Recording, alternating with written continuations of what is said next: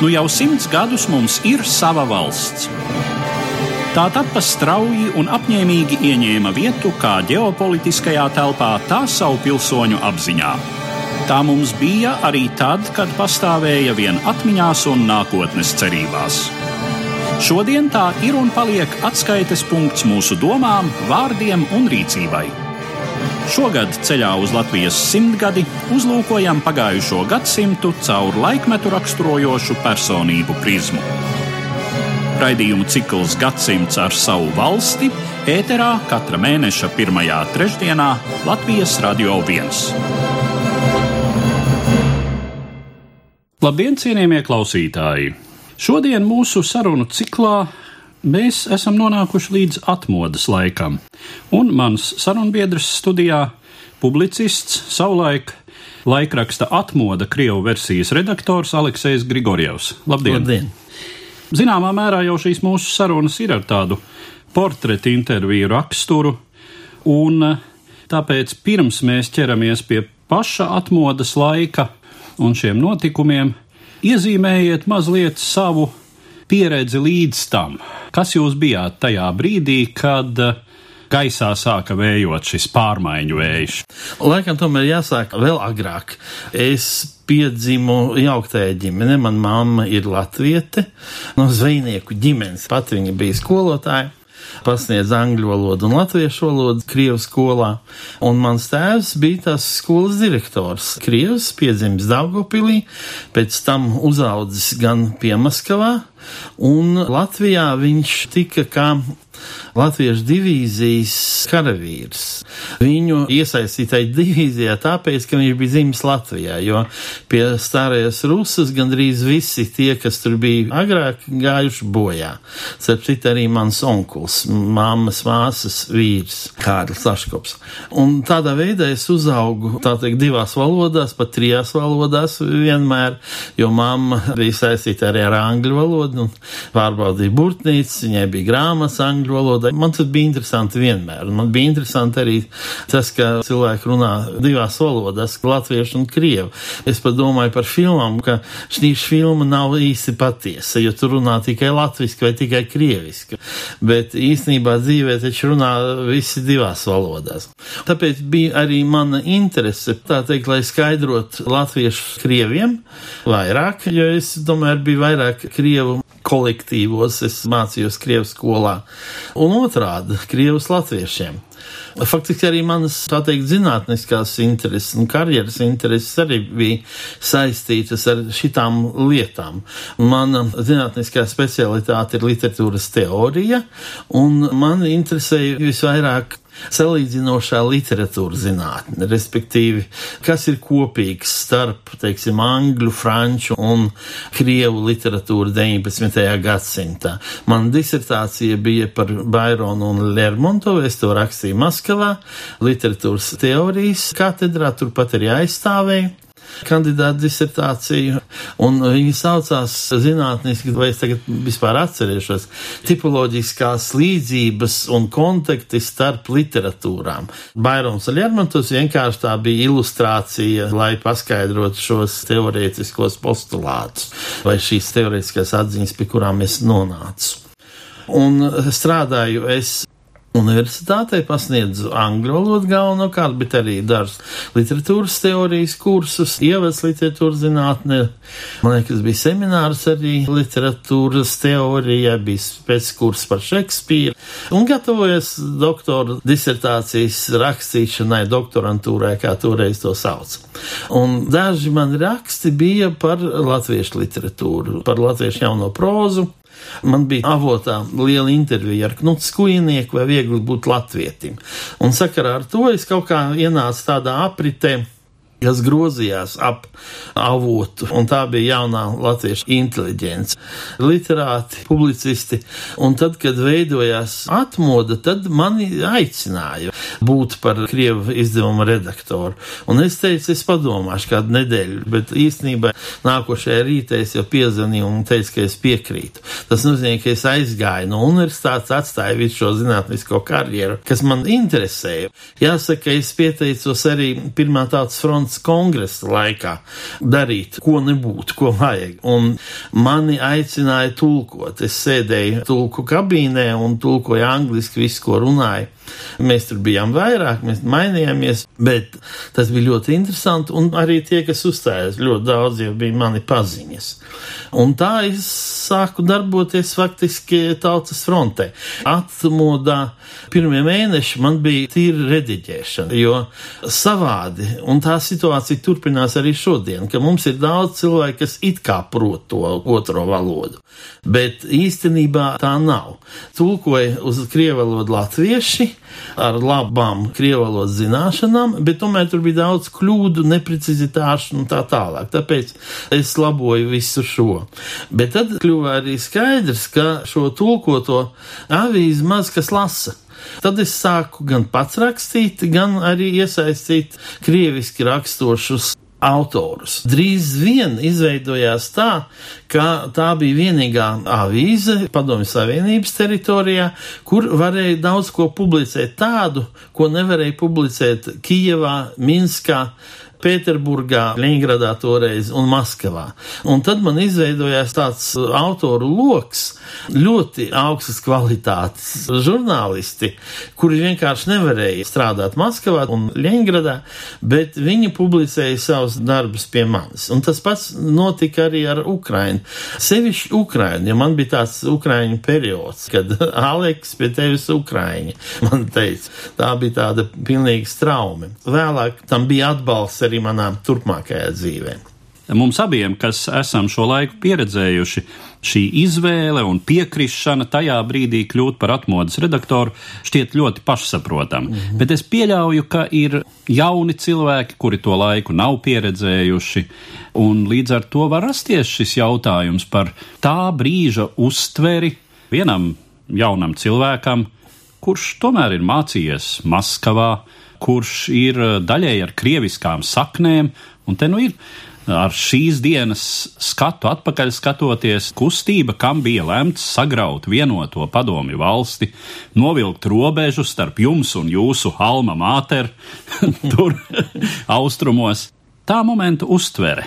Man bija tāds raksts, tas bija par Jeļcina vizīti Latvijā, un tas raksts saucās Un Krievija nostājās blakus. Resīvs tālāk rādam. Tas nozīmē, ka bija ļoti daudz cilvēku Krievijā, kas domāja līdzīgi mums. Tas vārds arī Baltija, ko faktiski es sāku pirmais rakstīt krieviski, tas aizgāja. Jo līdz tam bija Pribaltika. Jo, jo līdz tam bija Pribaltika. Un Pribaltiku mēs sajūtam, ka tas ir tāds sovietisms, ka tam ir politiska nokrāsa. Jo bija tāds iestājies ierunāts vārdu savienojums Sovietskajā Pribaltika. Ja ir Pribaltika, Baltika, tad prasās arī tas epitēts sovietskajā klāstā. Padomju, piebaltija. Piebaltija, pribaltika. Un otrs, ko es sajūtu arī, ka galvenais jau ir Baltija, zeme, un tad pie šīs Baltijas, pie zemes ir arī jūra, Baltijas jūra. To vislabāk jūt franču valodā, jo franču valodā ir pī balt un La Mer Baltique. Īpašības vārds ir Baltika, kas veidots no tā balta. Tā kā mēs jūtamies tātad līdzbiedri, līdzgaitnieki un sabiedrotie ar šiem cilvēkiem. Un mēs cīnījāmies par vienu, par demokrātiju visā Padomju Savienības teritorijā, un bija skaidrs, ka līdz ar to Padomju Savienība izirs. Tas bija skaidrs. Arī Krievija toreiz Jeļcina vadīta cīnījās pret Padomju Savienību, kas, tā teikt, atņēma varu Krievijai, jo Krievijai tad nebija ne savs parlaments, cik es atceros, atceros ne valdība atsevišķi, tas viss bija, tā teikt, viens kopīgs. Otrs, pēc valodas un kultūras, es esmu ļoti dziļi krieviskajā, bet politiski es esmu Latvijas pilsonis, Latvijas patriots un saistīts ar visu, kas ir latvisks. Man tas tomēr ir divas puses kaut kur - mātes puse un tēva puse. Tēvs bija arī skolotājs, vēstures skolotājs, ļoti labs, viņš man pasniedz, lai gan man vecāki izšķīrās, bet vēl tēvs paspēja pasniegt man seno laiku vēsturi vēsturi. Tā bija ļoti interesanti. Es tagad arī nesaprotu, kā var, teiksim, 5. un 6. klasē, kad māca seno Ēģiptu un Grieķiju un Romu, kā tas var nebūt interesanti. Tā kā šīs draudzības un šīs attiecības, Saharovs drīz nomira, bet Staravojtova man bija laba paziņa faktiski līdz viņas nāvei. Ļoti daudzas paziņas ir un paliek Ukrainā. Jakovenko, kas bija man Ukrainas korespondents, viņš arī tagad vada vienu no, tā teikt, vispopulārākajiem no intelektuālajiem žurnāliem Ukraina žurnāls I. tā kā Es domāju, ka tur nav pretrunu. Ja Krievija tagad būtu demokrātiska un brīva valsts, mēs būtu draugi, es domāju. Kā jums šķita tobrīd, cik lielu daļu no tobrīd krieviski runājošās un latviešu nerunājošās Latvijas sabiedrības daļas. Cik lielu daļu no viņiem jums izdevās aizsniegt? Cik daudzi no viņiem turēja rokā jūsu izdevumu? Turēja ļoti daudzi. Mans mērķis bija panākt to, ka puse Latvijas krievu vai Latvijas nelatviešu nobalsot par Latvijas neatkarību. Es domāju, ka tas tika arī izdarīts un panākts. Protams, es tur nebiju vienīgais no tiem, kas par to cīnījās, bet tas tā arī notika. Savādi, bet tās proporcijas paliek apmēram tās pašas jo apmēram trešdaļa no Latvijas krieviski runājošajiem ir Latvijas patrioti ir tuvi visam tam, kas ir Latvija. Bet apmēram trešdaļa dzīvo Krievijā mentāli un pieņem Putinu, Krievu pasauli un tā tālāk. Un trešā daļa svārstās. Tā tad apmēram puse un puse. Vai kaut kas tika darīts nepareizi? Nu, visādas kļūdas ir bijušas, bet gal galā katrs tomēr atbild par sevi pats mums ir jācīnās arī par pārējiem. Varbūt tas varētu būt sekmīgi. Pilsonības likuma pirmais variants bija ļoti neveiksmīgs. Ir sevišķi viens punkts, tur kvotas. Kvotas parādīja pilnīgi, mēs no jums baidāmies, mēs jūs negribam, dariet kaut ko citu, brauciet prom. Kvotām bija arī, tā teikt, viegli salasām politiska nokrāsa. Mēs negribam, lai būtu pārāk daudz vēlētāju, kas balsot par tām partijām, kur var būt kaut kāds krieviskais elements. Un tas faktiski arī sekmēja tādu elementu veidošanos. Es domāju, ka tagad tā ir saskaņa. Tur ir tas krieviskais elements. Un tad tāds signāls, es domāju, tās kvotas, ko atcerās. Un cilvēki jutās aizskarti ar to, un arī tie, kas bija tai pirmajā trešdaļā, kas bija kopā ar Latviju. Es domāju, ka tas, ko bieži nākas dzirdēt, ka Krievi masveidīgi bija uz barikādiem, tas ir mīts. Tur nekāds masveidības nebija. Bet daži krievi tur bija. Un tas ir kaut kā jāatzīmē. Teiksim, arī Daudzi no tiem cilvēkiem, ar kuriem es esmu kopā strādājis, vienkārši neatrada sev vietu jaunajā Latvijā. Lindermans ir bijis mans vietnieks. Viņš visu laiku ir strādājis atmodā, pašaizliedzīgi strādājis. Faktiski bez viņa tā avīze nebūtu tāda, kāda viņa bijusi, un nebūtu bijusi arī tik veiksmīga. Esat ar viņu runājis, teiksim, salīdzinoši nesenos laikos? Nē, nesenos laikos vairs ne. Kaut kur desmit gadu atpakaļ esmu runājis. Es viņu atceros visvairāk tādu, kāds viņš bija tad, un cienu par to darbu, ko viņš izdarījis. Es domāju, ka mums kaut kā ir jāatdala tomēr to, ko viņš dara tagad, un tas man nepatīk, un man liekas neīsts un nepatiess. Man visu laiku liekas, ka viņš kaut ko tēlo, kas īstenībā viņš nav. Lai gan krieviski ir tāds teiciens, baba jīgavsika da protiv. Un tas bija attiecībā uz inteliģenci, ka Ragana nostājas vienmēr pret.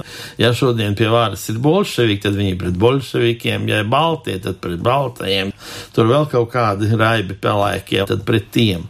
Tā ir inteliģences nostāja. Intelektuāli vienmēr atradīs, ko kritizēt. Bet es domāju, ka viņš pārāk aizrāvās ar Limonovu. Krievijai ir tāda parādība, ka ir ļoti talantīgi cilvēki, kuriem ir šausmīga politika. Tāds ir Limonovs. Limonovs ir ļoti talantīgs rakstnieks. Es nesen vēlreiz pārlasīju viņa darbus, un vēlreiz pārliecinājos par to, ka jā, ir. Es to tā teikt profesionāli jau lasīju un skatījos. Jā. Kā studējis filologs, jums pilnīgi piekrīt. vai ne? Bet nu, tas, ko viņš dara politikā, tas tomēr ir šausmīgi. Nikita Mihalkovs ir izcils režisors.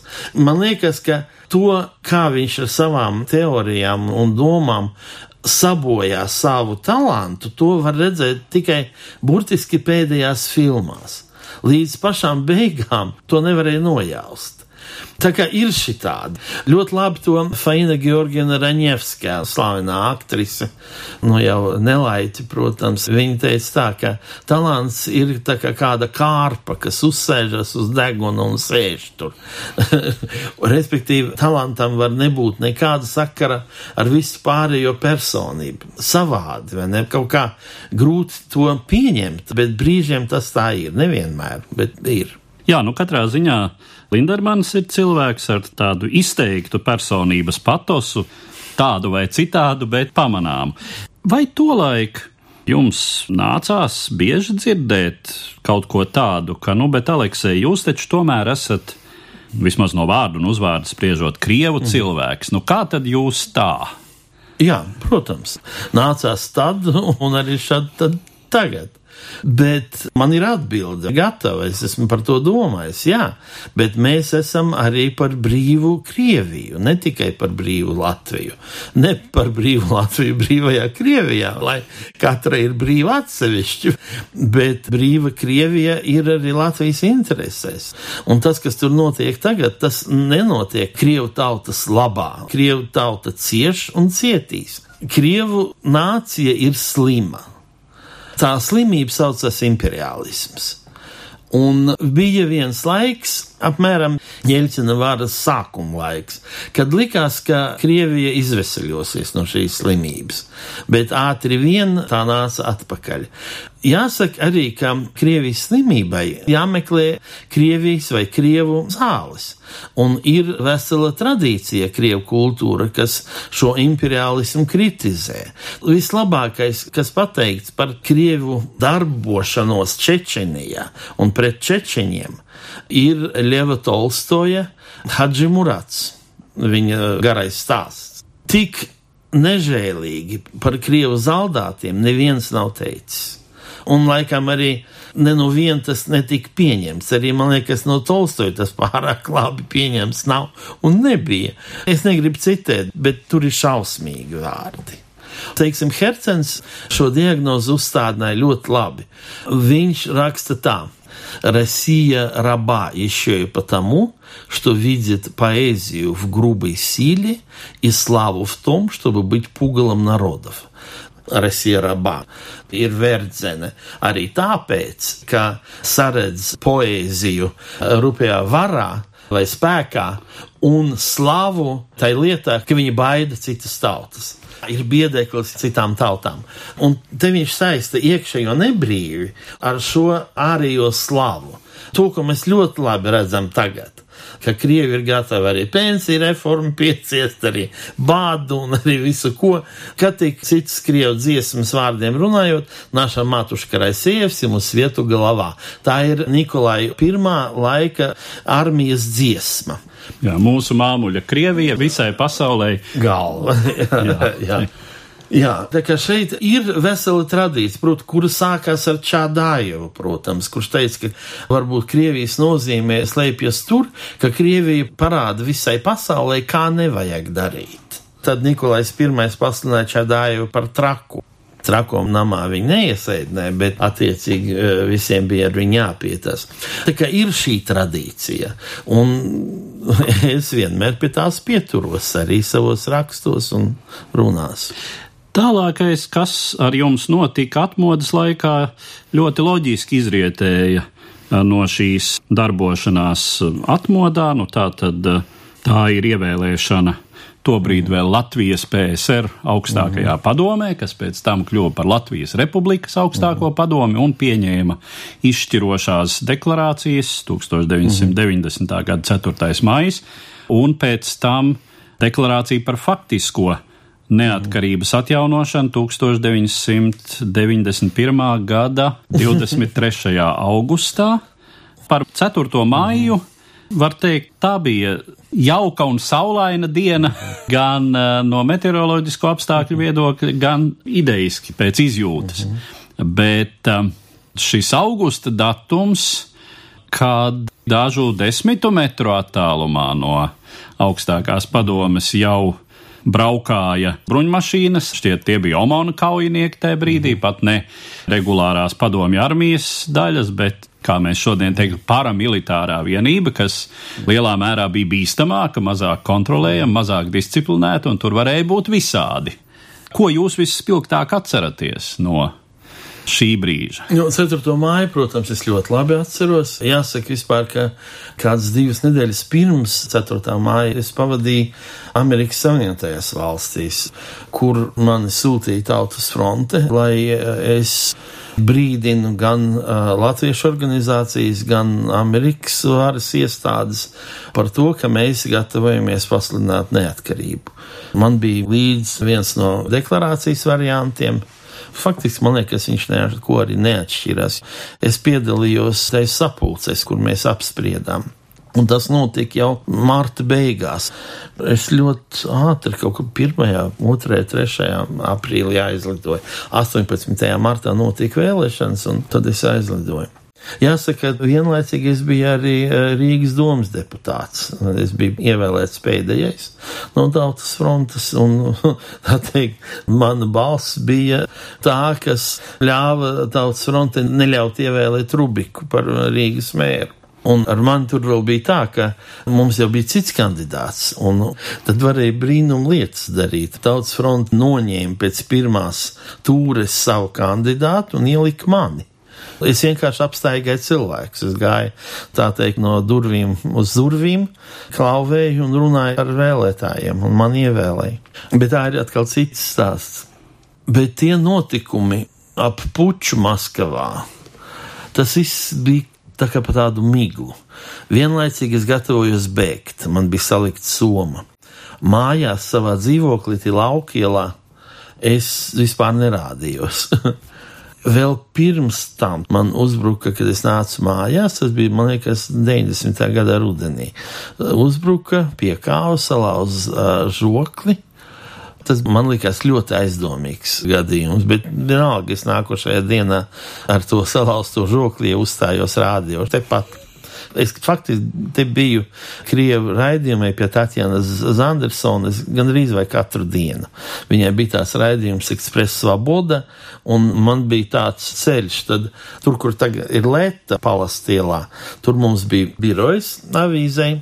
Un tad es nācu uz rādio, un tad uz saimu, respektīvi uz uh, augstāko padomu. Un atpakaļ tāpat. Tas bija tāds ierasts ceļš. Tā pašā laikā es sajūtu kaut kādā brīdī, ka viss aiziet, ka Maskavā, kā man viens draugs teica, tur latviešu nav. Tur nevar tā teikt uzrīdīt viens otriem, teikt, ka tās viss ir latviešu iedomas, ko viņi te dara un kas te notiek. Tur tie cīnītāji par brīvību bija krievi. Un jūta, ka nekas nesanāks tiem pučistiem. Bet tad, kad bija tanki apkārt un mēs balsojam par galīgo neatkarību, ne mēs jutām briesmas, ne mēs jutām bailes. Lai gan objektīvi padomājot, vajadzēja būt visu šo atmodas laiku bija tāda pacilātība, bija tāda iedvesma, ka cilvēki varēja dabūt gatavu to, kam it kā viņi nebija radīti. Es atceros, cik daudz es strādāju. Es aizbraucu uz rītu uz atmodu, uz redakciju, tad es biju tur līdz vēlām vakaram, tad mašīna, mums bija jau mašīna redakcijā. Es braucu naktī jau faktiski mājās uz savu laukielu, gar Leņķina piemineklim. Un tad es domāju, ka mans darbs būs padarīts, ka šis piemineklis tiks novākts. tā kā arī vēl viena tā teikt zīme.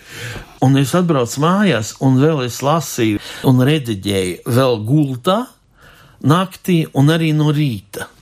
Un man bija tāda sajūta, ka, ja mēs zaudējam, tā teikt, mūsu cīņa neko nebeidzas, tad es sev nepiedotu, ja es domātu, ka es neesmu pietiekami daudz strādājis, lai tā nenotiktu, lai mēs tomēr uzvarētu.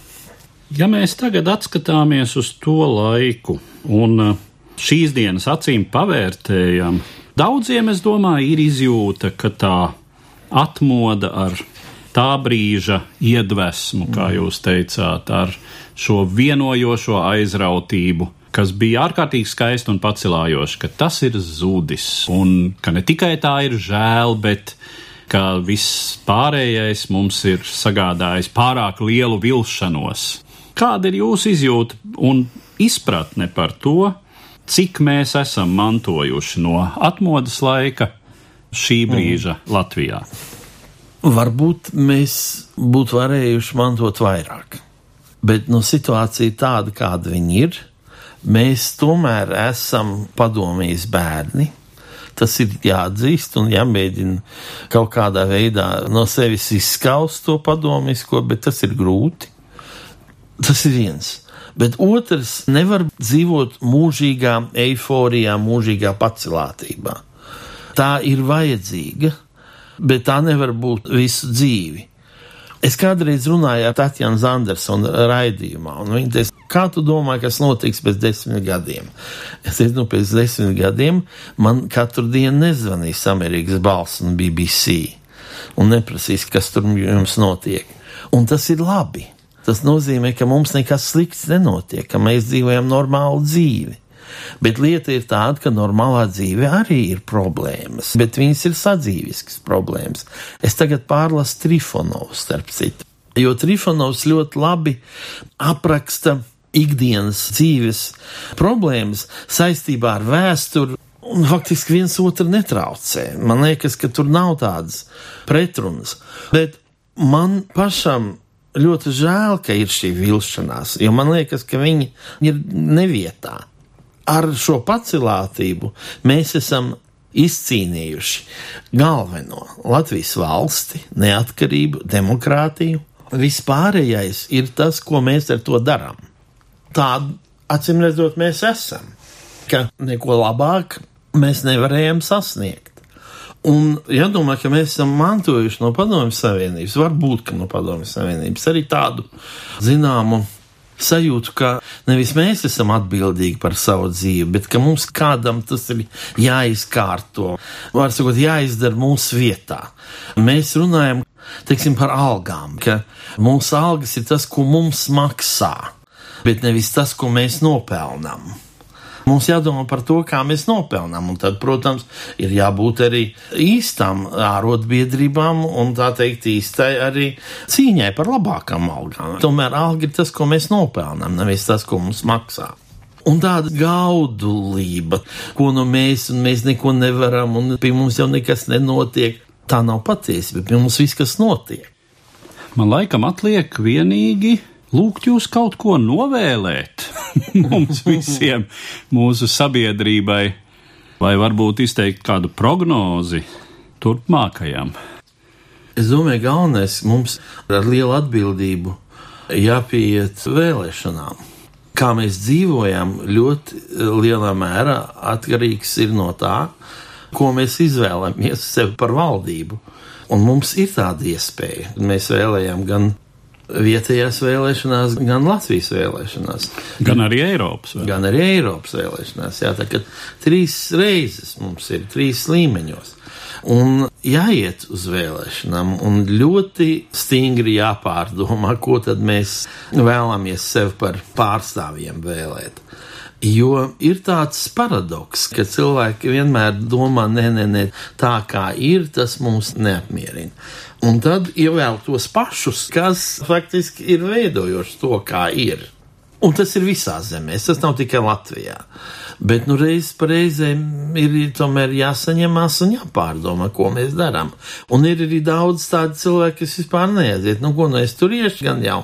Bet e, ir tāds teiciens, ka slikto valdību ievēl labie cilvēki, kas neaiziet uz vēlēšanām. Tā arī ir.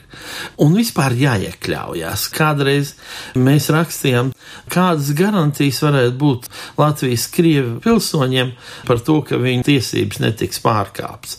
Un tad tad faktiski galvenais ir iekļaušanās. Iekļaušanās politikā, iekļaušanās visās partijās, nevien tādā Krievijas partijā, piedalīšanās, iekļaušanās Latvijas dzīvē. Līdz ar to tu kļūsi par īstu pilsoni, un tavas tiesības ir ņemtas vērā. Bet tā pati problēma ir ne tikai krieviem, tā ir arī latviešiem, ka cilvēki neiekļaujās, domā, ka politika uz viņiem neatiecās, un tad ir neapmierināti ar iznākumu ļoti daudz ko var darīt. Var piedalīties visādās nevalstiskajās organizācijās, ja ir kaut kāda doma, kā vajadzētu, jāsanāk kopā ar vēl dažiem, kas domā līdzīgi un jāmēģina to panākt.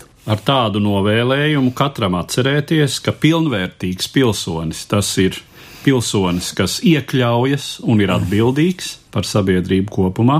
Mēs arī noslēdzam mūsu šodienas sarunu, kurā pieskārāmies atmodas laikam pirmām kārtām, un es saku paldies manam sarunbiedram, publicistam Aleksējam Grigorjevam. Paldies jums un paldies klausītājiem! Gadsimts ar savu valsti skatīts caur laikmetu raksturojošu personību prizmu. Latvijas simtgades programmas raidījumu cikls ēterā katra mēneša pirmajā trešdienā Latvijas Radio 1. Thank you.